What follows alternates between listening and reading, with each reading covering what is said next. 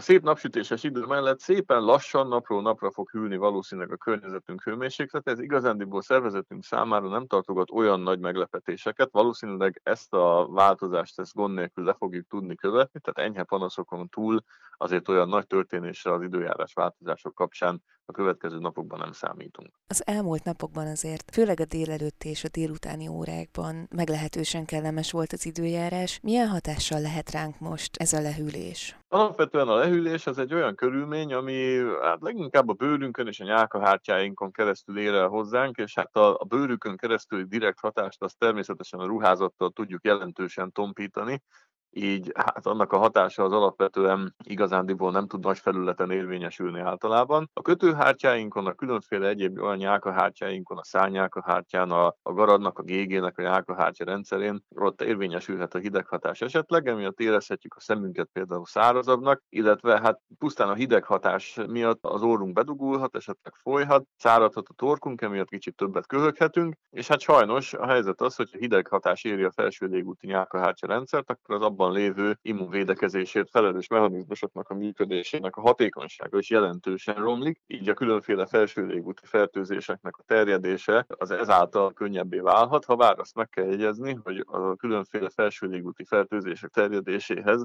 azért inkább a magasabb páratartalom, az influenza kivételével a magasabb páratartalom használ, az pedig most nem lesz. Tehát valószínűleg, hogyha magunkra vigyázunk, illetve hogyha betegen nem megyünk közösségbe, akkor ezeknek a terjedését jelentősen tudjuk lassítani.